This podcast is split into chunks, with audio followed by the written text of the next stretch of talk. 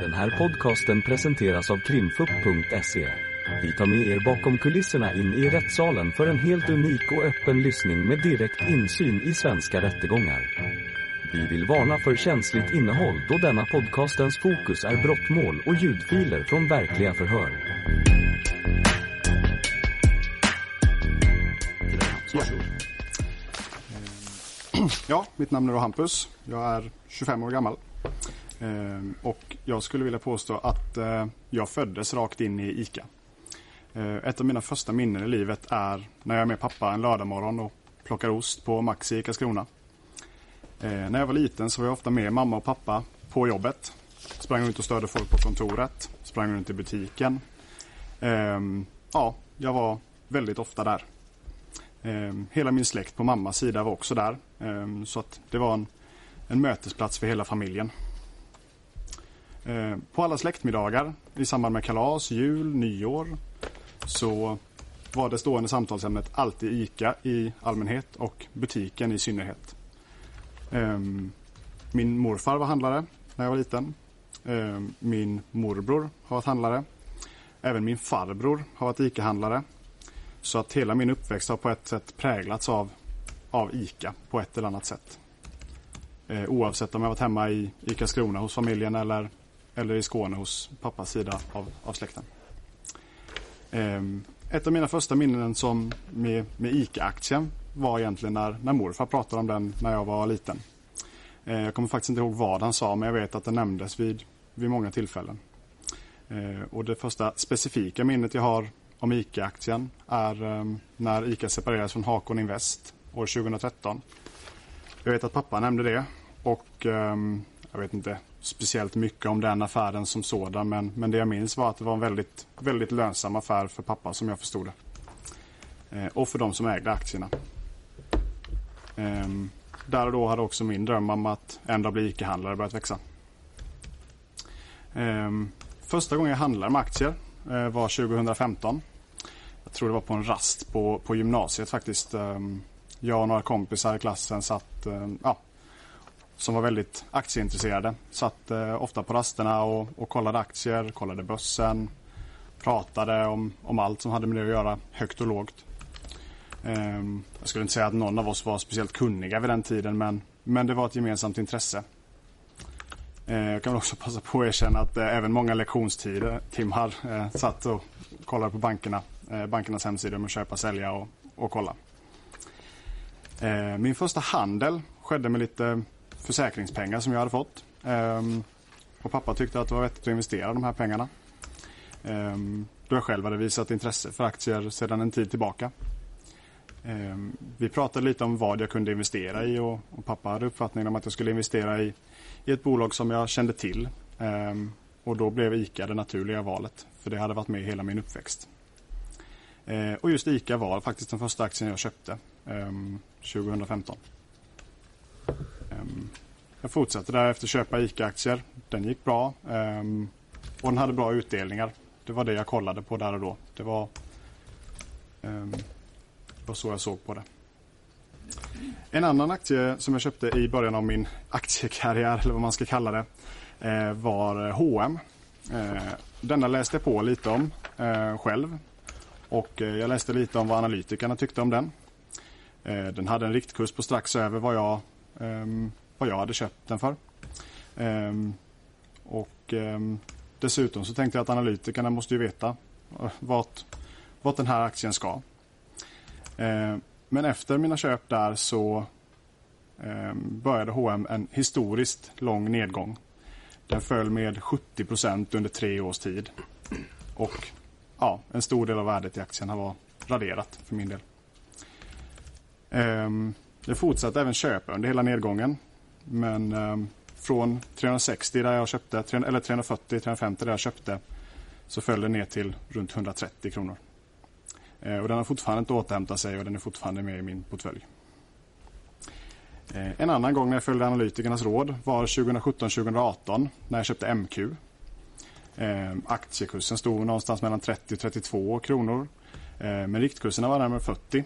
Eh, Dessutom så hade den en väldigt bra utdelning. Eh, Jag hade nu börjat jobba och tjäna mer pengar själv. Eh, och investerade faktiskt ganska tungt i denna. Ehm, ja, jag vet inte hur många som vet hur, den, hur det slutade men MQ gick i konkurs för några år sedan. Ehm, så, eh, och då försvann ju alla investerade pengar. Eh, jag satsade även en hel del på ICA under den här perioden 2017-2018 och, och den gick fortfarande ganska bra. Hade bra utdelningar och, och så. Ehm, går vi vidare till min relation till Henrik Normark så började den redan i förskoleklass. Ehm, vi var sex år gamla. Ehm, vi träffades, tror det var första dagen när vi skulle börja i förskoleklassen. Ehm, vi blev snabbt kompisar, lekte mycket, umgicks mycket. Vi hade flera gemensamma intressen men eh, det största var nog att vi båda var besatta av lego. Ehm, vi blev grannar när vi var nio år gamla eh, och sågs i princip varje dag i och med skolan och även på helgerna när vi, när vi var lediga. Eh, vi har hängt ihop sedan dess i princip. Vi gick i samma klass fram tills vi gick i nian. Eh, därefter började vi gymnasiet. Hamnade på olika skolor men fortfarande i samma stad. Skolorna då på, delade samma innergård. Eh, ja. Och någon gång under gymnasietiden så började även vi prata aktier eh, och investeringar. Eh, vi pratade vitt och brett egentligen. Men allt från OMXS30-bolag till mindre bolag och kryptovalutor. Eh, och den första aktien jag kommer ihåg specifikt att vi pratade om var eh, Hamlet Pharma. Ett medtechbolag tror jag. Eh, Henke hade köpt lite där och eh, vi pratade om det och det slutade med att även jag investerade i, i detta. Eh, vi har även pratat mycket annat kring privatekonomi och investeringar. så Både fonder och kryptovalutor och, och sådant. Eh, vi har även köpt flera, flertalet aktier i samma bolag. Eh, såsom Norwegian, SAS, Cancera och Swedish Match. Eh, och redan under gymnasietiden så började jag jobba på Maxi i Karlskrona i, eh, i pappas butik. Eh, eller i, i, familjens butik. Eh, ja, som jag nämnt tidigare så, så har jag alltid sprungit. Alltså den stora skillnaden var väl egentligen att jag började få betalt för att vara där. Ehm, jag jobbade över nästan hela butiken. Ehm, allt från kassan till varuplock till e-handel. Ehm, och jag jobbade alla tider som jag fick möjlighet att jobba. Och jag valde alla dagar i veckan jobbet före att plugga till något prov eller studier. Och efter att familjen sen har fått lämna eh, butiken i Karlskrona som min pappa berättade om eh, så fortsatte jag jobba där ungefär ett halvår. Um, därefter gick jag vidare till en mindre butik i uh, Rödeby där jag också växte upp. Um, och efter en sommar där så valde jag att gå vidare till att jobba i pappas uh, butik i Karlshamn som då var en Kvantum och skulle konvertera till Maxi. Där fick jag ta ansvar för, um, för e-handel och matkasse, matkassen. Och det här var ett jättestort steg för mig i min utveckling och i, i mitt intresse att eh, bli ICA-handlare en, en dag. Um, och jag har brunnit för att jobba i princip sedan dess. Ehm, um, jobbar ofta extra utan att behöva det. Jag, jag älskar att vara på jobbet. Um, och efter ungefär ett och ett halvt år så fick jag chansen att ta över eh, Mejeri Frys. Och um, här kände jag verkligen att jag hade hittat rätt. Fick jobba mycket med butiksekonomi och försäljning och inköp.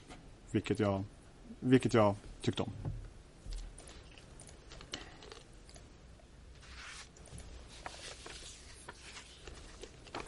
Ehm, går vi vidare sen in på, på hösten 2021. Ehm, och mer specifikt min handel i ICA-aktien. Så vill jag först förklara lite kort om varför jag handlat. Ehm, för det första så vill jag eh, berätta att jag har alltid haft en ICA-aktie i eh, portföljen. Uh, ungefär, eller ja, I alla fall under hela 2021 och vid ett antal tillfällen tidigare för att jag har velat följa aktien.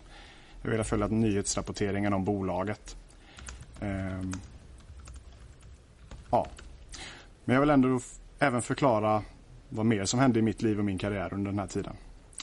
Till att börja med så hade jag precis påbörjat en ny tjänst i, eh, på jobbet eh, som butikschef slash driftschef special. Ehm, I samma butik alltså, i, på Maxi i Karlshamn. Ehm, när jag fick frågan så behövde inte jag fundera speciellt länge utan jag tänkte att det här blir jättekul. Ehm, och en utmaning och ett steg ytterligare i, i karriären. Jag hade även påbörjat min eh, butiksledarutbildning, eller BLU som det kallas inom ICA. Vilket egentligen är det första steget till att bli handlare utbildningsmässigt. Ehm, och det innebar en väldigt hektisk period under, ehm, under hösten eh, och början där. Ehm, mycket information, mycket intryck, många nya människor som man skulle lära känna. Och just i början på min butiksledarutbildning så fick jag väldigt mycket information om hur ICA-gruppen fungerar, hur ICA-handlarnas förbund fungerar, väldigt mycket kring ICAs historia, allt från 2000, nej, eh, 1917 när ICA-idén startades fram till hur det såg ut idag. Ehm, och naturligtvis har det här väckt precis lika mycket frågor som det har gett mig information. Så, eh, och de har jag ofta pratat med pappa med för han är den i min bekantskapskrets som, som kan mest om, om ICA. Ehm, både butik och förbundet. Oavsett om det gällt marknadsföring, försäljning, ekonomi, ICA-gruppen eller ICA-förbundet eller uppgifter som skulle göras. Eh, går vi vidare sen in på min handel i ICA-aktien under hösten så baserar den sig på en, en rad olika händelser och beslut. Man skulle ändå kunna säga att eh, mina funderingar kring ICA började i samband med vd-bytet i ICA-handlarnas förbund. Det här är absolut ingen köpsignal för mig på något sätt men det väcker lite frågor. I samband med att jag är intresserad av förbundet också så, så blir det naturligt att att det här blir en fråga för mig. Brukar man sparka folk så här? Vem var Fredrik Hägglund? Vem var Göran Blomberg? Um, uppfattningen jag fick från pappa var att han tyckte också det kändes lite märkligt. Um, han visste vem Fredrik Hägglund var, han visste vem Göran Blomberg var. Och han trodde väl att någon, någon förändring var på gång. Det var min uppfattning. Um, vidare så ställde jag mycket frågor. Uh, både gällande min nya tjänst på special också i samband med min utbildning. Eh, min tjänst på special innebar egentligen en helt ny avdelning för mig. Jag hade aldrig jobbat med eh, Jag hade alltid jobbat med matvaror tidigare. Eh, och nu skulle jag helt plötsligt börja jobba med tv-apparater, kläder, mm, pynt, Eh, hälsovårdsprodukter. Ehm, ja, som sagt, vi hade kort sagt väldigt mycket att prata om under den här hösten och jag hade väldigt mycket frågor. Vi spinner även vidare på det här med vd-bytet. Och jag frågade pappa väldigt mycket kring detta. Pappa berättade då lite kring handlarnas missnöje tillbaka i tiden och eh, pratade kring att handlarna inte var riktigt nöjda med att ligga på börsen. Eh, i slutet av september så berättade pappa att han hade köpt lite ICA-aktier eh, och trodde att det skulle kunna vara en bra investering nu. Jag tror det var i slutet av september, det kan vara till början av oktober, någonstans i, i månadsskiftet där. Ehm, det är som sagt ett tag sedan. Eh, nyfiken som jag är eh, började jag fråga, naturligtvis fråga pappa mer kring varför han hade köpt. Varför det kunde vara en bra investering. Han fortsatte prata om handlarnas missnöje om att ligga på börsen Eh, och hade spekulerat att nu kanske skulle det kunna vara läge att, att köpa ut ICA. Eh, som man hade pratat om länge, så som jag förstod det.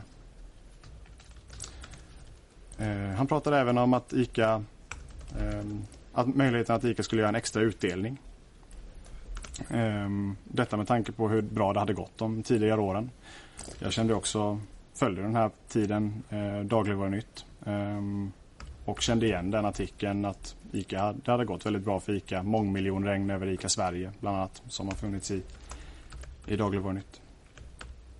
Jag tyckte spekulationerna lät ganska så rimliga eh, och började fundera på vad detta skulle kunna innebära för ICA. Och även hur det skulle kunna påverka ICA-aktien alla dessa diskussioner med pappa, eh, bland annat tillsammans med mina egna eh, funderingar, Eh, leder till att jag börjar köpa ICA-aktier den 7 oktober. I ganska liten skala. Jag köper 27 aktier den 7 och 3 aktier den 8 oktober. När jag börjat köpa så vill jag läsa på mer kring vad detta innebär. Ehm, med allt detta, jag läser på mer om bolaget. Ehm, bland annat i Dagligvarunytt ehm, och får den samlande bilden att det kan ligga någonting i det pappa spekulerar i. Och fortsätter där min handel i ICA. Ehm, och så som har presenterats här tidigare under rättegången så um, skickar jag och Evelina lite meddelanden till varandra under mitten av oktober. Där hon berättar att hon har köpt ICA-aktier. Eh, och detta blir en liten trigger för mig att fortsätta köpa också. Ehm, jag köper ICA-aktier mellan den 7 och 15 oktober i första omgången. Och jag tänker att fler frågor lär komma under förhöret. Ehm, och innan vi går vidare till artiklarna kring Betaville så vill jag bara benämna ett av de meddelanden jag skickat till min vän Henrik Normark. Eh, och det meddelandet jag vill beröra är det där jag skriver att jag har lite inside info. Eh, naturligtvis så menar inte jag att jag har någon slags insiderinformation här. Eh, och här idag förstår jag ju att det inte var någon insiderinformation heller som jag syftade på. Utan det jag syftar på i det meddelandet är de diskussionerna jag har haft med pappa. Framförallt kring handlarnas missnöje i att ligga på börsen. Ehm, alltså det jag har fått höra på mitt arbete och i min, ja, på jobbet. Att jag just skriver inside info är väl ett skämtsamt uttryck. Där jag syftar till saker, på, saker som jag har hört på bolaget där jag arbetar. Och där jag har varit i hela mitt liv i princip.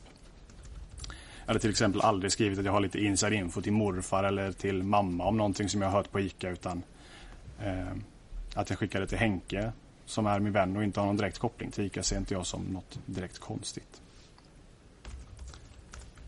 Eh, när sedan artiklarna kring Betavill eh, börjar komma den 25 oktober och därefter så köper jag fler aktier. Jag köper fler aktier den 25 oktober på, på eftermiddagen.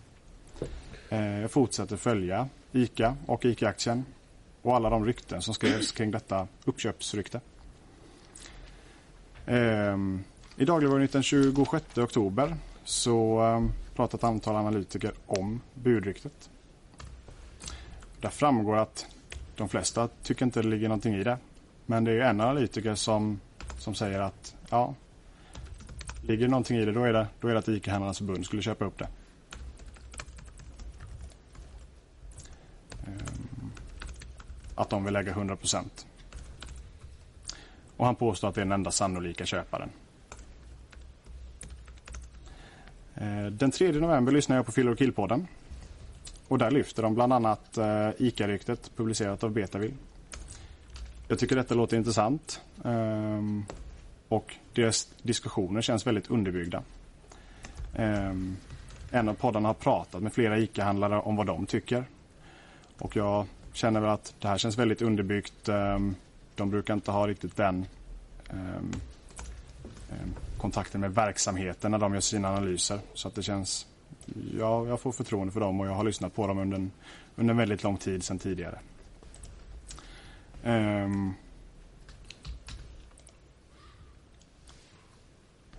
detta gjorde mig mer trygg i min investering. Uh, och jag började fundera på hur man kunde ta ett ännu större späck på detta. Uh, precis som åklagaren lyfter så uh, har vi en familjemiddag den 5 november på restaurang Nivå i Karlskrona. Innan denna middag så pratar jag och pappa lite om vad jag har hört på Filler Kill-podden. Ehm, och det spekuleras att, kring ett eventuellt bud.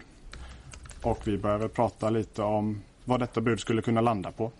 Ehm, jag får uppfattningen om att han har läst på lite eh, om vad bud brukar landa på.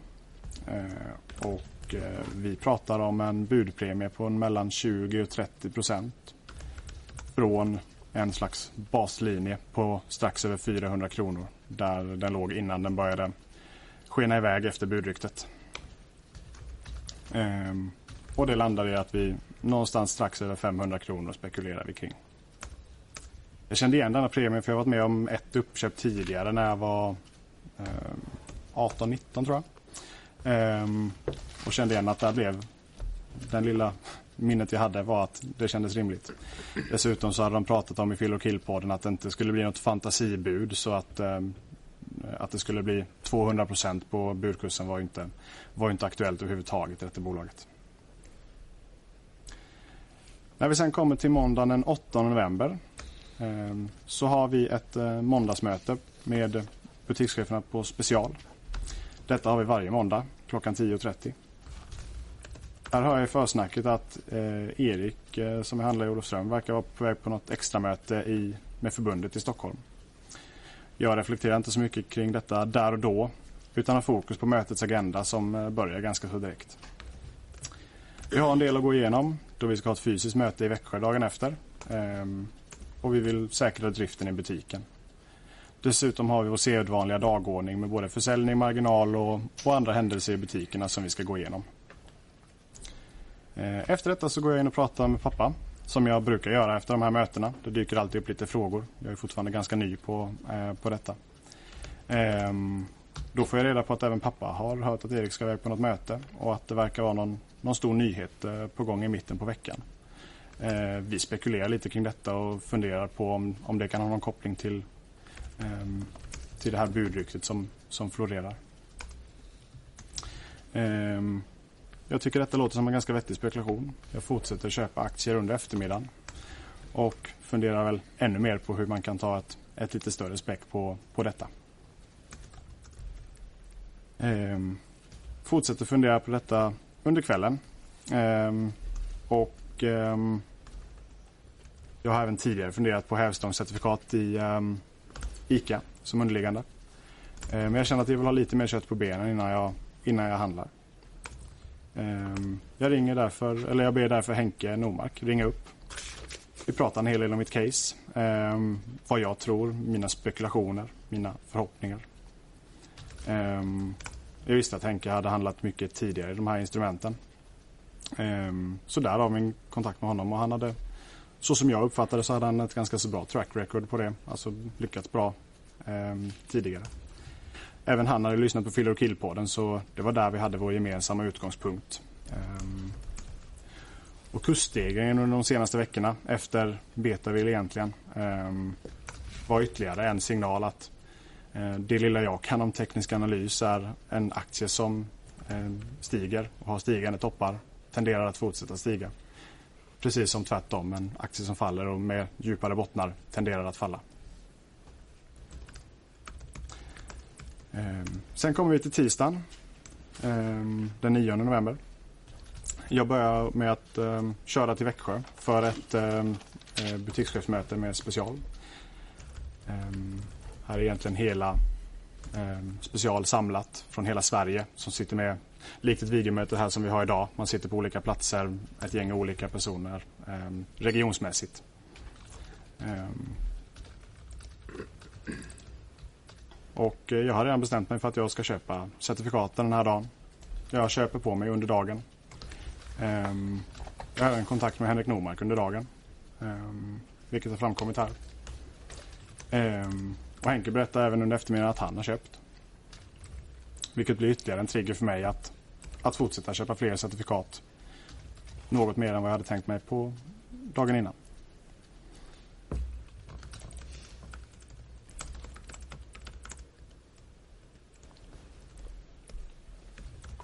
Ehm, jag väljer att avsluta lite kring eh, hur våren 2022 såg ut i mitt perspektiv. Det hela börjar egentligen med att pappa berättar att han har fått tillbaka sin ansökan om tobakstillstånd. Ehm, med bifogat utdrag från misstankeregistret där det står att han är misstänkt för grovt insiderbrott. Ehm, pappa har redan berättat mycket kring detta här så jag tänker inte fördjupa mig i det. Ehm, men naturligtvis så påverkas även jag av detta. Jag ser att pappa blir stressad. Um, um, jag börjar även själv söka information kring detta. Uh, jag begär även själv ett utdrag från uh, brottsregistret. Nu förstår jag att det inte är samma sak men där och då var, var det min tro.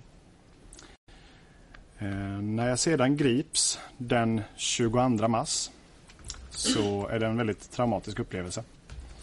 Eh, jag är precis på väg att åka till jobbet. Jag ska ha ett eh, möte med mina BLU, eh, min lilla BLU-grupp som ska vara i Karlshamn. Vi ska sitta digitalt möte. Vi ska sitta gemensamt i Karlshamn alltså. Vi ska mötas upp där. Då ringer det på dörren. Jag kollar ut genom kikhålet och där ser jag tre män i mörka kläder. Jag blir livrädd. Jag tänker absolut inte rationellt och springer och gömmer mig i sovrummet tillsammans med min sambo. Ehm, jag hoppas att de ska gå därifrån. Ehm, Men de fortsätter ringa på dörren. Går runt och bankar på fönster på uterummet runt om i hela lägenheten. Ehm, jag bor på bottenplan då, så man har det klart för sig. Jag får lite lätt panik. Min sambo uppmanar mig att ringa 112. Eh, vilket jag också gör. Och när jag kommer fram så får jag efter en stunds väntan reda på att det är lugnt att gå och öppna dörren. Eh, ingen säger att det är polisen som står där utanför men de säger att det är lugnt att gå och öppna dörren. Och eh, jag gör det. Och när det blir klart för mig att det är polisen som står utanför så blir det en, en lättnad. Jag tror att det var män med helt andra avsikter som ville ta sig in i mitt hem. Det var aldrig någon som visade ett polislägg varken i, i kikhålet eller i fönster vad jag kunde se. Eh, poliserna förklarar där att jag är gripen för brott. Att de har beslutat en husrannsakan. De ska ha min telefon och mina datorer. Eh, vilket de också får. Eh, jag ger ut koder, eh, lösenord. Eh, påminner att de ska få med sig laddare till alla olika datorer. Eh, väljer polisbilen så får jag reda på att jag är misstänkt för grovt insiderbrott. Och jag vet ju att detta, i och med eh, pappas misstankeregister så vet jag att detta um, ett brott där det är fängelse på upp till sex år på straffskalan. Um, samma dag som jag, skulle, som jag greps så skulle jag även påbörja renovering av min lägenhet och ha kontakt med snickare. Um, detta blev nu överlämpat på min sambo um, som också var sjukskriven av detta så jag visste att hon fick en enorm press eh, på sig att, att lösa detta. När jag sen kom in på polisstationen och har hamnat i den här fyllecellen, eh, suttit där en timme så, så blir eh, så får jag reda på att det inte alls är grovt, missa, eh, grovt insiderbrott som jag misstänkt för utan insiderbrott av normalgraden. Det är en och en halv timme efter jag blivit delgiven den första felaktiga misstanken då. Jag bad också flera gånger om att någon skulle meddela min chef att jag inte kommer till jobbet. Folk förväntar sig att jag, jag är där. Eh, detta fick inte jag reda på under hela min tid som frihetsberövad. Ehm, jag vill slutligen säga att, ja, som kanske har framgått, jag har mått väldigt dåligt under både min tid som frihetsberövad. Jag har aldrig suttit i en fyllecell. Jag trodde aldrig jag skulle sitta häktad någonsin. Ehm, och känt ett ganska stort obehag sedan dess. Um, och ja, både under frihetsberövandet och efteråt och även under de här förhören som har hållits med mig. Tror att det var allt som jag ville få fram. Så jag vill stanna här. Mm. Tack. Tack så mycket. Ja, och då ska vi lämna ordet till åklagaren. Varsågod. Tack så mycket. Ja, Hampus, du har ju berättat om eh, att du går på gymnasiet och din, eh, säga, din tid i ICA. Eh, och så har du också berättat om relation till Henrik Nordmark och din familj förstår vi också. Mm. Eh, Stefan Bjärlestig är ju din pappas bästa kompis. Mm. Hur ser din relation till Stefan ut? Jag träffar väl egentligen bara honom när, när vi är med familjerna. Eh, typ resor eller ehm, annat. Det, jag har ingen egen relation med Stefan utan man skulle kunna säga att relationen är genom min pappa. Okej, okay, okay, så träffas familjevis helt enkelt? Ja, precis. Ja, Eh, och sen kan vi kanske nästan klumpa ihop, alltså alla de andra tilltalade, har du någon särskild relation till någon av de andra tilltalade? Nej. Ja, okay. Och hur var det under hösten 2021? Hade du kontakt med någon annan förutom din familj och Henrik Normark? Eh, I rummet menar du? Ja, ja, ja, ja, nej, det hade jag inte. Ah, okay, okay. Eh, och hur var det under hösten 2021? Kände du eller kände du till någon i antingen förbundsstyrelsen eller ICA-gruppens styrelse? Nej, jag kände väl till att Erik satt i förbundet, men vad han hade för position, det, det visste jag inte direkt. Jag visste att han var vår kontaktperson i förbundet. Ja, just det. Men ingen annan person än Erik? Nej. Ja, okay. Och ja, Erik har ju, vet du med facit i hand, haft insiderinfo om det här utköpsbudet eh, innan det offentliggjordes då. Eh, vet du nu med facit i hand om någon annan person som har haft samma information innan det offentliggjordes? Nej. Okej. Okay. Bra. Eh, och du har berättat lite om att du började handla värdepapper på eh, gymnasiet. Eh, och så. Eh, och du har handlat aktier vet vi. Hur har din handel av, av eh, hävstångsinstrument sett ut tidigare? Jag har handlat med hävstångsinstrument i OMX. Eh, ja, med OMX som underliggande. Just det. Har gjort. Eh, har du någon gång innan de här köpen av ICA som underliggande handlat något hävstångsinstrument med aktier som underliggande tillgång? Nej. Okej. Okay. Eh, och hur är det alltså när du handlar värdepapper? Eh, handlar du på andras rekommendationer eller försöker du bilda en egen uppfattning om vad som ska köpas och säljas? Naturligtvis så tar jag ju intryck av eh, framförallt vad min, vad min pappa tycker. Eh, men eh, jag bildar mig också en egen uppfattning. Jag vill alltid läsa på. Jag kan inte skylla dåliga affärer på någon annan. Eh, utan det, det är ett eget ansvar jag har. Ja. Att läsa på mina affärer. Och analytiker, brukar du följa dem? Jag tror jag gjorde det ganska klart för, för er i, eh, i eh, min egna talan om vad jag tycker med, om analytiker. Jag har förlorat väldigt mycket pengar på att följa analytiker. Mm, mm, okej, okej. Eh, och du och Henrik Normark, ni har pratat mycket om aktier har jag förstått. Ja, det stämmer. Och ja, det är värdepapper. Eh, investeringsstrategi då? Har du eller har du haft någon särskild sådan? Nej, det skulle jag väl inte påstå att jag har haft. Pengarna ska växa. Ehm, Det är väl den. Ja. Men skulle du säga att du, du liksom är, är långsiktig eller kortsiktig i din handel eller någon blandning? Det är nog en ganska stor blandning. Okej. okej. Ehm, och vilka eh, informationskällor brukar du ta del av inför ett investeringsbeslut? Det kan ju vara TV, radio, poddar, forum, tidningar, liknande. Ja, det beror väl helt på. ehm, normalt sett så läser jag väl gratisartiklarna på Dagens Industri. Ja. Ehm, är det någon eh, artikel där som jag vill komma åt så brukar jag sno min kompis inlogg.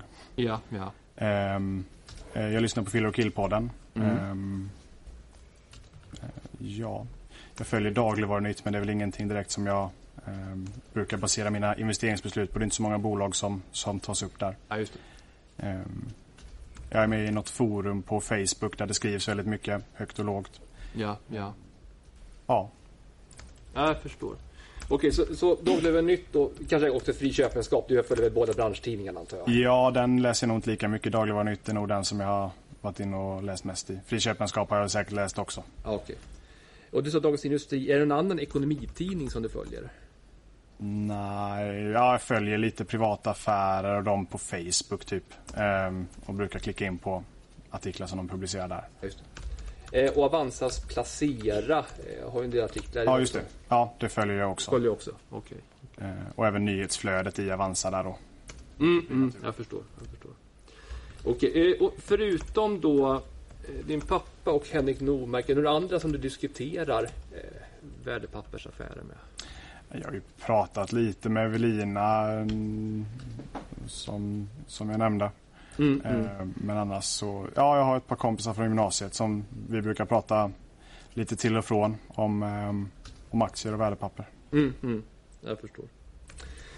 Um, tänkte att vi ska titta lite på kontoutdragen. Jag kan visa det på skärmen här då.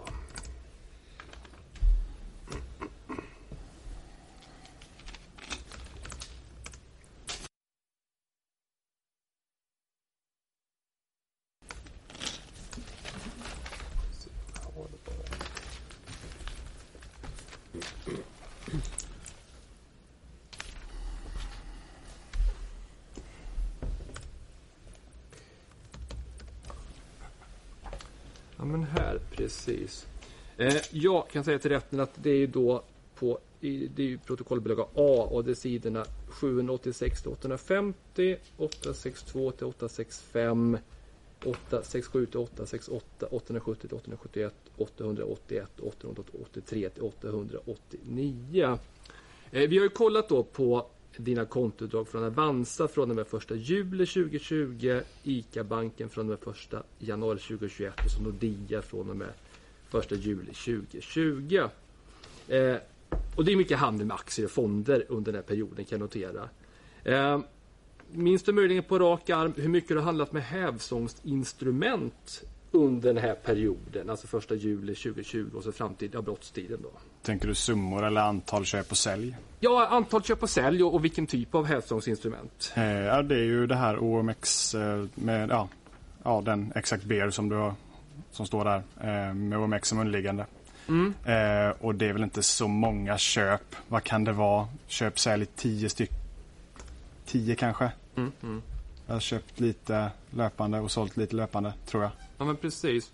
Jag fick kolla för alltså din handel eh, man kan ju se här att det är ju på ditt Avanza-konto så allra mesta Mm. sker notera. På ICA-banken så verkar du bara ha den ICA Mat Modig, det är ju en fond förstår jag. Ja.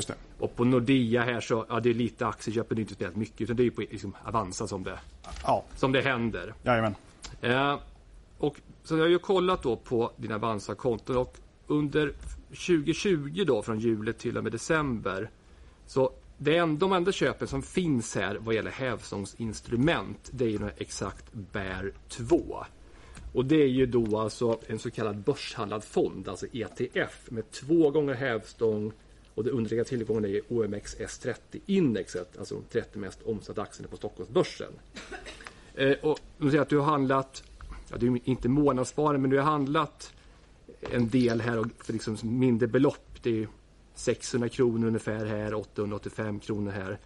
Eh, så det är liksom 100 lappar per köp.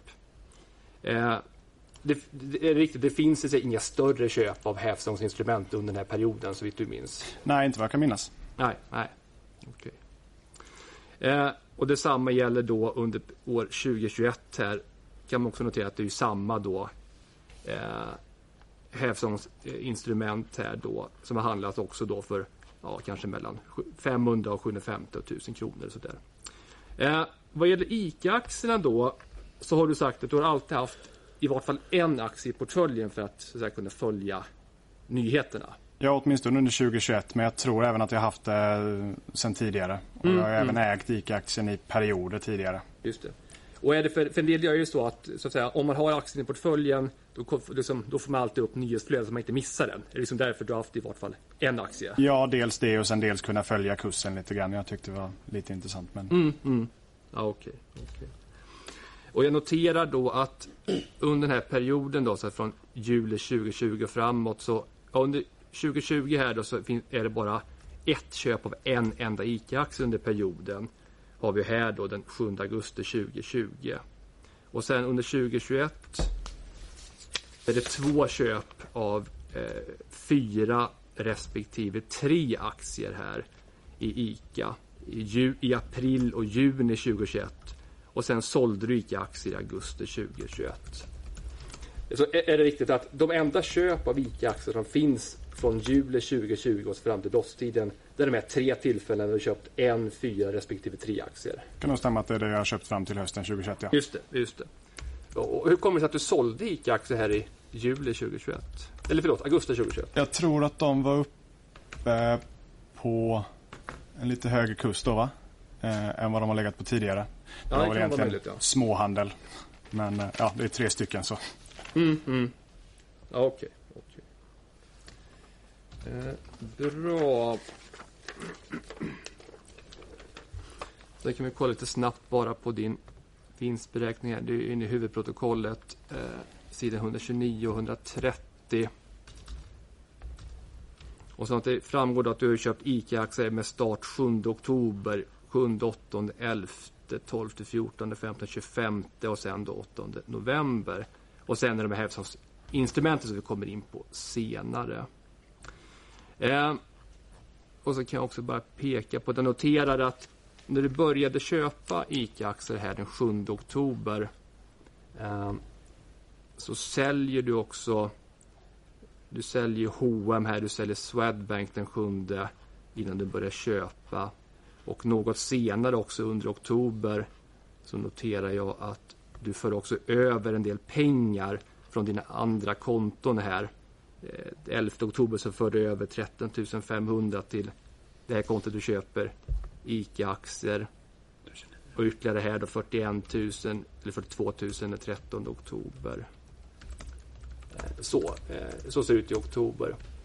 Eh, Är det till och, och kontrollfråga bara. Är det du som har gjort de här köpen av ICA värdepapper i oktober och november? Ja, Ja, men det är bra. Det är bra. Eh, då så, och då är ju som sagt frågan då hur det kommer sig att du just den 7 oktober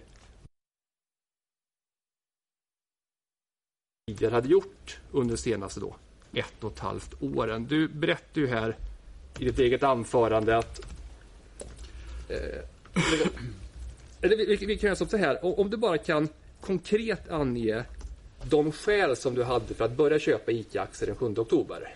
Skälen som jag hade till att, till att köpa ICA-aktier där och då var ju mina tidigare diskussioner med, med pappa. Det var väl den ehm, det som gjorde att jag började köpa. Just det. Precis, för du sa här att det här vd-bytet sa att det var ingen köpsignal för dig men det väckte frågor för dig. Ja, det väckte ju frågor i samband med att jag var ju intresserad av förbundet och ICA-gruppen där och då. Ehm, det var väl ingen koppling till ICA-aktien där och då. Ja, just det. Just det. Så som jag förstod dig, och du får rätta mig om jag uppfattade fel, men som jag förstod det så de kö- så att säga, skälet att du började köpa det var då att din pappa sa till dig någon, du pratade med din pappa någon gång september, oktober i månadsskiftet. Och din pappa sa då till dig att han har köpt aktier i ICA och att han sa till dig att det kanske var läge att köpa ut ICA-gruppen då från börsen. Eh, alternativ för att ICA kanske skulle göra en extra utdelning.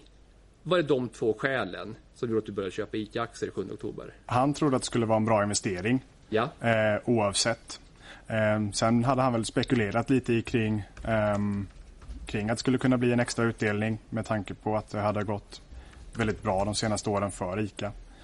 Ehm, och även spekulerade kring, kring de här, ehm, det som hade pratats om, ehm, som jag förstod det, eh, att man var inte riktigt nöjd med att ICA låg på börsen och att det inte gynnade butikerna. ja just det. Just det. Eh, men, men för det här att, att man inte var nöjd med att ICA var på börsen, det har, det har ju framgått i mål att det har ju, ty- verkar många handlare ha tyckt i flera år. Så det var väl inget nytt så att säga här i september, oktober? Jag hade väl egentligen inte hört så mycket om det innan. Nej. Eh, Jag hade väl hört det någon gång så att ehm, men inte så mycket tidigare. Okej. Men det här att ICA inte passade på börsen då enligt handlade, var det någonting som var en köpsignal för dig? Alltså för att köpa ICA-aktien? Det var väl ingen köpsignal utan det var väl ett potentiellt scenario som vi pratade om. En, en ren spekulation eh, som pappa pratade med mig om och jag tyckte att det lät intressant. Okej. Och det här att din pappa då att han spekulerar om att det kanske var läge att köpa ut ICA från börsen. Alltså, sa han något mer konkret om vad han grundade det på? Nej, det var väl mer en spekulation från hans sida. Jag, det är möjligt att han sa något mer specifikt men det är ingen som jag minns idag. Nej. Nej, för det har jag också förstått att det har ju spekulerats under ett flertal år som jag har förstått inom ICA-sfären om ett utköp. Men eh, det har ju inte funnits pengar tidigare. Sa han någonting om när han trodde det skulle kunna ske? Nej. Okej. Men och hade du någon, form av teori om när ett utköp skulle kunna ske? Nej. Okej, okej. Så, så var det alltså, fanns det något speciellt skäl till att du började köpa just här den 7 oktober? Nej, inte just specifikt den sjunde. Det kunde lika gärna varit den sjätte, den åttonde eller ja, där någonstans. Det var ju samband med pappas och min diskussion. Jag tror vi hade den i månadsskiftet oktober-september. Just det. Just det. Och, men att, att, att du började köpa, var det en direkt följd av att din pappa hade börjat köpa här i september? Han tyckte att det var en bra investering. Ehm, Jag gjorde naturligtvis själv mitt, mitt egna beslut att köpa ICA-aktier. Och jag köper en ganska liten post där den 7 8, 8 oktober. Ja, I ja. förhållandevis sett. Ja. Eh, är det rättvist att säga att din pappa gav dig ett råd eller en rekommendation om att du skulle köpa ICA-aktier? Inte som jag uppfattade. Jag uppfattade det som att han, han sa att han tyckte det kunde vara en eh, bra investering. Ja. Ja, Ett råd eller uppmaning skulle jag inte vilja se det som. Okej, han- okej, så han, han, han tyckte, det han sa var att han tyckte att det var en bra investering så berättade han om sina spekulationer om, om utköp alternativt extra utdelning. Ja. Okej, okej. Ehm. Minns du möjligen, du har ju såklart tillfrågats om det här i förhör under förundersökningen. Eh, Minns du möjligen vad du berättade då om dina bevekelsegrunder för att börja köpa ICA-aktier den 7 oktober? Om jag bara säger bevekelsegrunder. Jag har grundat lite på vad, vad betyder det egentligen? Ja, eller de, de, de, skäl, Mina skäl, de ja. skäl du hade för att börja köpa ICA-aktier. Eh, ja, där har jag väl inte nämnt någonting om min familj under de första förhören. Eh, Nej, du har ju varit tämligen, tämligen fåord i, i de här förhören. Det hölls fem förhör med dig plus det här liksom inledande förhöret. Och du har varit tämligen fåord i förhören. Minns du möjligen här idag vad du då angav för skäl till att du började köpa ICA-aktier i oktober? Ja, jag tror jag sa att ICA inte passade på börsen i och med kvartalsrapporter. Eh, bland annat. Ja, och var det något mer du sa som du minns? Eh, inte vad jag kommer på just nu. Nej, Det har jag säkert sagt något skäl till. ja. Minns du om du sa någonting i något förhör under förundersökningen om att du eh, om att din pappa hade sagt till dig eh, om att han trodde att det kunde ske en utdelning? Eller förlåt, ett, ett utköp? Det vet jag inte. Jag vet jag pratade lite om min familj i sista förhöret. Ehm, men det var mer kring vår kommunikation så som jag kommer ihåg det. Ja, ja. Eh, och minns du möjligen vad du sa i förhör under förundersökningen om när i tiden som du fick höra om ett utköpsrykte? Eh? Jag vet jag pratade en hel del kring eh, Betaville. Mm. Ehm, huvudet var ju ganska mosigt när man satt i de förhören. Ehm, så att tidslinjen var ju inte helt klar för mig när man satt och skulle förklara allt detta. Mm, mm. Ehm, Och det, vi kan ta det på en gång, eller bara lite kort. Eh, Så I Betaville så stod det där om att ICA kunde vara föremål för en utländsk aktör som antingen skulle köpa upp då hela delar av ICA-gruppen eller ett sammangående. Eh, Själva så att säga, kärnan i den artikeln, var det någonting som du hade fått reda på eller hört om innan Betaville-artikeln? vi hade ju spekulerat kring att det kanske kunde vara läge att köpa, eh, ja, för ett utköp. Det var ju precis det som, ehm, som jag nämnde tidigare i mina diskussioner med pappa. Mm. För det, alltså, i, I Betabill så det spekuleras ju på ett uppköp, alltså om en utländsk aktör. Ingenting om ett utköp från förbundet i den artikeln. Mm. Så du och din pappa, ni spekulerar om ett utköp? Och inte uppköp, eller hur ska jag förstå det? Ja, I min värld så var det väl Handlarnas förbund som skulle köpa ut det. De ägde ju 54 procent av aktierna så jag såg väl inte någon anledning till att någon annan skulle köpa. Okej.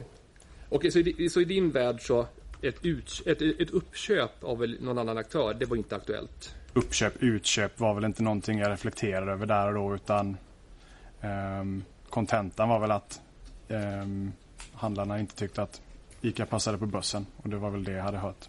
Sen om det skulle ske i form av ett utköp eller uppköp, det var ju inget, inget jag reflekterade över de betydelsen av ord. Jag vet knappt fortfarande vad, vad skillnaden är. Uppköp, utköp. Mm, mm. Eh, och hur var det, minns du om du i förhör sa någonting om huruvida du hade läst någon specifik analys eller, eller något särskilt inför dina köp här i oktober? Eh, nej, det har jag nog inte sagt. Jag tror att jag sa att jag googlade runt lite, kollade på lite f- något forum. Ehm, det är väl det jag har sagt i förhör, så som Mm, jag kan minnas. Just det. Eh, Jag får notera ju då som sagt att i det första förhöret på sidan 405 då så sa du också så att det är lite, ja, en egen sammanfattning. Eh, att anledningen till att du köpte ICA-instrument under brottstiden det var att det var allmänt känt att ICA inte passade på börsen och att du i oktober läste en nyhet på Avanza om marknadsskvaller om ett uppköp av ICA. Alltså ett bud, en extra utdelning eller något, eller något annat bra. Du trodde helt enkelt att det skulle hända något positivt med aktien. Och du pratade med en kompis om allt detta men du ville då inte namnge den kompisen. Eh, du ville då på samma sida inte svara på om det fanns någon annan person som tipsat dig eller på annat sätt pratat positivt om att köpa ICA. Eh, Eller om du känner några andra personer som resonerar på samma sätt som dig angående ICA. Och sen då, jag, tänkte, jag läser upp allting här. I det andra förhöret på sidan 408 eh, Det vore möjligt ännu tystare. Du vill, du vill inte där utveckla varför du trodde att det skulle kunna komma ett bud, en extra utdelning eller något annat bra. Du sa att du läste ingen specifik analys inför köpet, bara marknadsskvallret. Och det marknadsskvallret det var en nyhetsflash på Avanza om att ICA var en uppköpskandidat. Ursäkta ordförande. ett Här läses det upp hur mycket som... Eh, vi köra? Ja. Eh, så där, I första förhöret sa du ingenting alls om att din pappa hade sagt till dig om att, eh, att han hade köpt aktier och att han trodde på eh, att ett utköp kunde ske eller en extra utdelning. Varför sa du ingenting om det i det första förhöret? Eh, jag ville bara prata om mig själv och det gjorde jag nog ganska tydligt i det förhöret. Eh, jag vill bara prata om mig själv och mina egna beslut. Eh, jag vill inte benämna min familj överhuvudtaget. Där och då. Nej, men du, för du fick ju frågan om skälen till det handel. Och du nämnde ju inte, och idag säger jag att skälen till det handel är den informationen från din pappa. Det sa du ingenting om det förhöret fast du fick frågor om det. Va- Var det en Herr ordförande, bara en fråga. Han Och du säger här idag att skälet att du började handla i oktober var att du fick information från din pappa om att ett utköp i ICA-gruppen skulle kunna ske eller en extra utdelning. Varför sa du inte det i förhöret? Information skulle jag inte vilja säga. Spekulation. Ja, men det sa du inte heller någonting i första förhöret. Varför gjorde du inte det? Jag ville inte nämna min familj överhuvudtaget. Jag ville prata om mig själv och mina beslut. Jag ville inte nämna någon i familjen. Och jag tror inte jag nämnde någon i familjen eller någon annan heller. Nej, och varför vill du inte göra det? Så som jag förstod det så hade jag rätt att vara tyst. Jag behövde inte svara på några frågor Nej. eh, överhuvudtaget. Nej, men du hade också rätt att tala. Varför valde du att vara tyst och inte tala? För att jag hade rätt att vara tyst. Jo, men du, du, har, ju, du har ju båda rättigheterna. Varför Ja. valde du den ena rättigheten och inte den andra? För att jag fick förklarat för mig i början av förhören och även i samtal med min försvarare att jag hade rätt att vara tyst och jag behövde inte svara på några frågor. Nej. Eh, du hade ju till exempel kunnat säga till förhörsledaren att skälet till att du köpte ICA-aktier var att någon person som inte hade namngett då hade sagt till dig eller spekulerat om att det kunde ske ett utköp. Varför gjorde du inte det? Jag tror att jag har svarat på den frågan ganska så väl. Eh, Svara gärna igen då. Att jag valde att inte svara på frågor eller så. Mm, okej. Men t- alltså, tänkte du inte att om det nu fanns en rimlig förklaring till din handel, att det låg i ditt intresse att berätta det för förhörsledaren? Om det allt var ett olyckligt missförstånd? Jag ville ju inte benämna min familj eller någon annan överhuvudtaget. Vilket jag också förklarar att jag ville bara prata om mig själv i det, Ja, i det förhöret. Men du hade ju kunnat berätta då i förhöret varför du handlade utan att ange vem det var som hade gett den här informationen eller spekulationen. Varför gjorde du inte det? För att jag valde att inte göra det där och då. Jag Ja. valde att vara tyst. Jag hade rätt att vara tyst som, som jag uppfattade det. Ja. Och i det andra fallet så vill du inte utveckla här, alltså varför kommer buden extra utdelning och annat bra? Eh, och är det samma, och det är samma fråga här då, varför berättar du ingenting i andra förhöret om det du berättar om idag? Dels för att jag mådde ganska dåligt. Eh, Eh, ja, stäng. Då fortsätter vi. Eh, I det tredje förhöret, eh, på 412 och framåt, så sa du då att skälet till att du började köpa ICA-aktier den 7 oktober var att ICA har sagt att det funnits rykte om att ICA inte passar på börsen eftersom man då kan jobb- jobba mer långsiktigt utanför börsen och ett annat skäl var den här nyhetsflashen på Avanza ICA var en potentiell uppköpskandidat. Jag vill inte he- heller säga någonting om var de här ryktena kom ifrån. Eh, ja, det blir samma fråga där då. Eh, hur kommer det sig att du inte heller i tredje förhöret sa någonting om informationen från din pappa om att det kunde ske ett utköp av ICA-gruppen? jag tror det var så att jag inte ville nämna min familj överhuvudtaget då heller. Nej, nej. Just det. Eh, precis, och att i det femte för på sidan 424 så vill du inte svara på vad de här rykten om innan den 7 oktober kom ifrån om att det gick inte platser på börsen. Eh, precis, men är vi, är vi överens om att det du sa här idag, alltså den här att du pratar med din pappa här i månadsskiftet september-oktober Eh, och att han då nämnde här om potentiellt utköp. Det är ingenting som du sagt i något förhör under förundersökningen. Eh, jag vet inte om jag har sagt det i... Jag vet jag pratade lite om min familj i sista förhöret. Jag har inte helt klart för mig vad jag sa men jag fick väl ett antal frågor framförallt kopplat till vår kommunikation. Ehm, Ja. Men det här, det här mer konkreta som du säger här idag. Eh, att, eh, så ett av skälen, eller kanske främsta skälet till att du började köpa aktier var eh, din pappas spekulationer om ett utköp alternativt extra utdelning. Det är ingenting som du sagt under förundersökningen. Ja, Ett av, ett av skälen var det absolut. Tillsammans med de här spekulationerna kring en extra utdelning och grundpelaren i att det var en bra investering. Ja, just det. Det har varit stabil utdelning ehm, och jag hade även tidigare erfarenhet av att köpa ICA-gruppen. Ja, just det. Men, men, min fråga, men min fråga, är vi överens om att det här med att din pappa sa till dig om att det kunde ske ett utköp eller en extra utdelning, det är ingenting som du sagt under förundersökningen? Är vi överens om det? Att, att pappa har sagt det? Nej, det har jag nog inte nämnt. eh, Nej, ja, men det är bra. Du, du är vi överens om det. Ehm.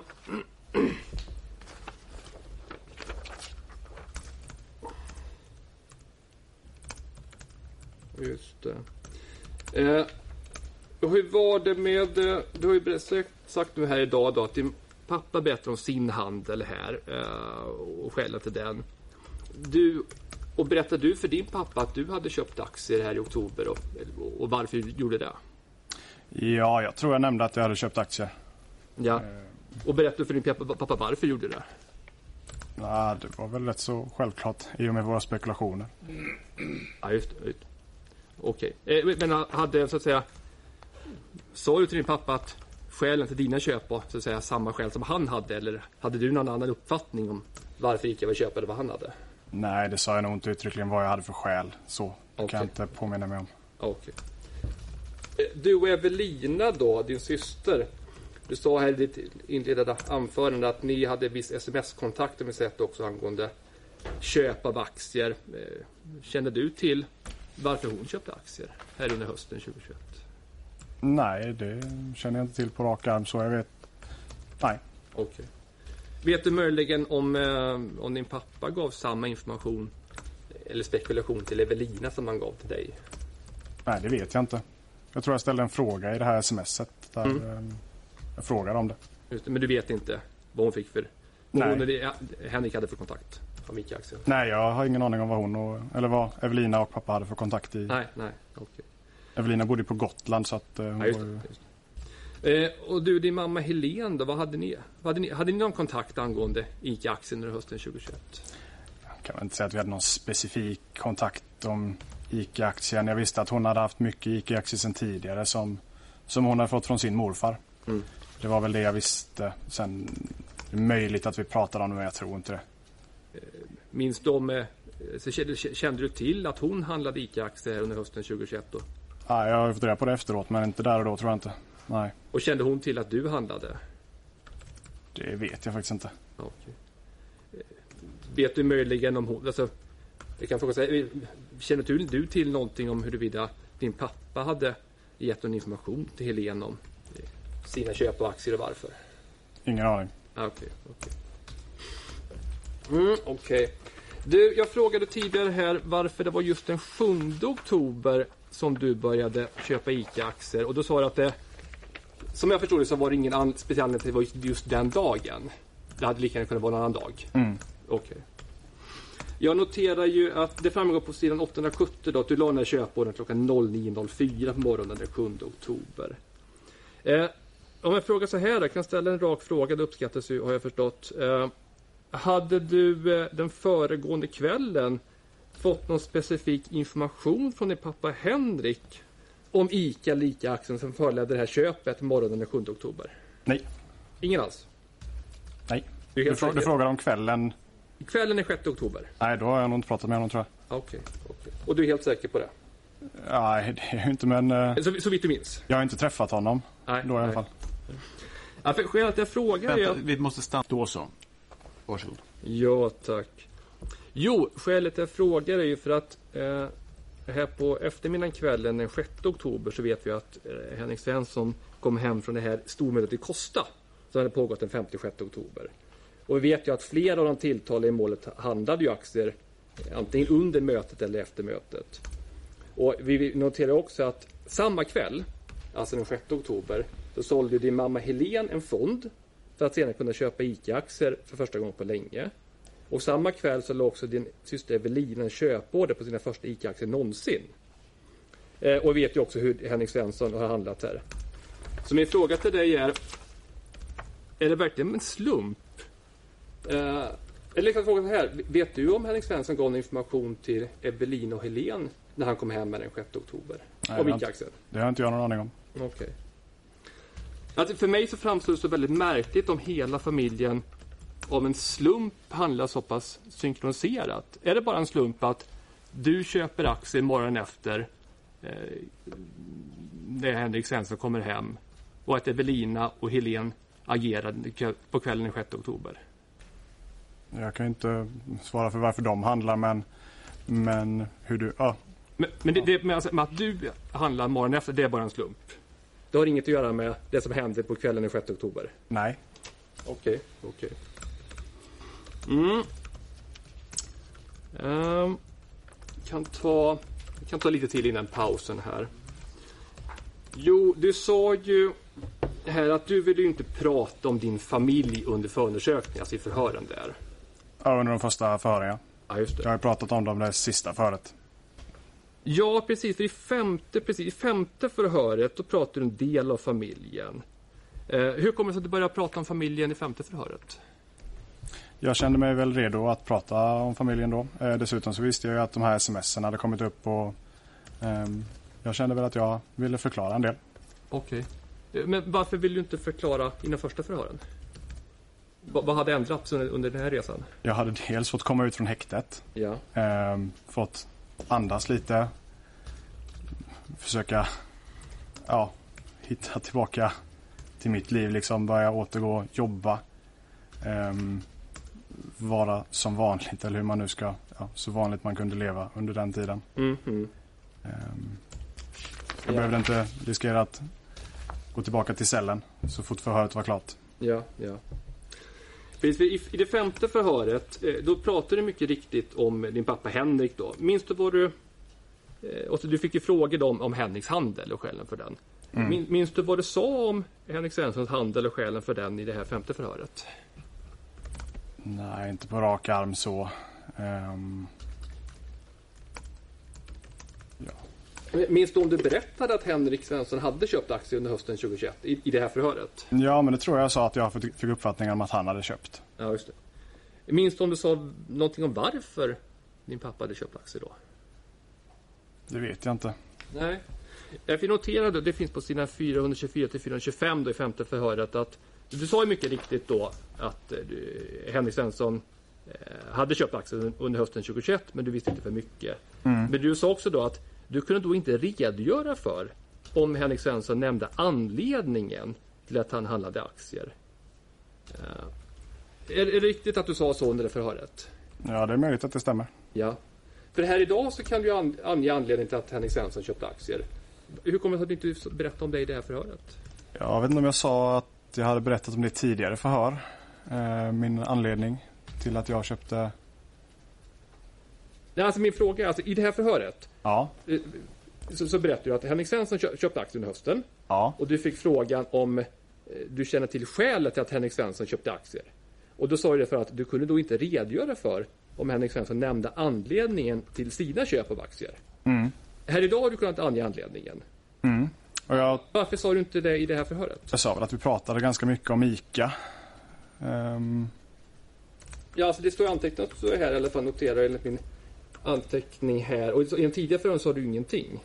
Jag, jag kan inte säga att du sagt någonting i det här förhöret om att Henrik Svensson som skäl för sina aktieköp nämnde det här med eh, ett utköp från börsen eller en extra utdelning. nej, kan nog stämma. Okej. Och hur kommer det sig i så fall? För du valde ju här att berätta om Henriks handel. Varför berättar du inte om skälen för hans handel? Jag tror ändå jag var ganska restriktiv i vad jag berättade under de här förhören.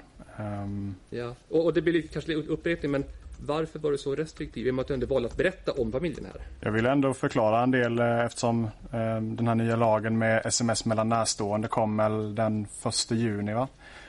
Någonstans under sommaren. Ja, och då kom ju de upp och, och det, hade ju, det hade ju kommit fram till mig så att då kände jag väl att jag ville förklara lite kring, kring vår ehm,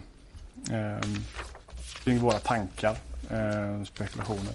Jag hade ändå mitt, min minnesbild var att jag hade redogjort för min handel i de tidigare förhören och anledningar till det. Mm. Men det var ju fortfarande en ganska så obehaglig upplevelse att sitta i, i det rummet. En ganska spänd stämning om man säger så. Så att, att man inte tänker helt klart där och då ser inte jag som något direkt konstigt. Ja.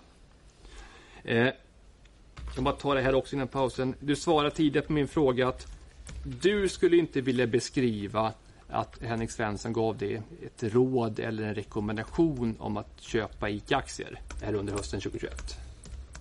Är det, var det korrekt uppfattat av mig? Det beror väl helt på hur man, hur man nu väljer att tolka råd och uppmaning. Men, men jag såg det som att han, han berättade om eh, sin bild av det. Att han hade köpt och därav tog jag ett eget beslut på det. Ja. Sa han att, att han tyckte att du borde köpa ICA-aktier? Nej, Okej. det sa han nog inte. Alltså han gav inte uttryck för att han tyckte att du borde agera på något sätt?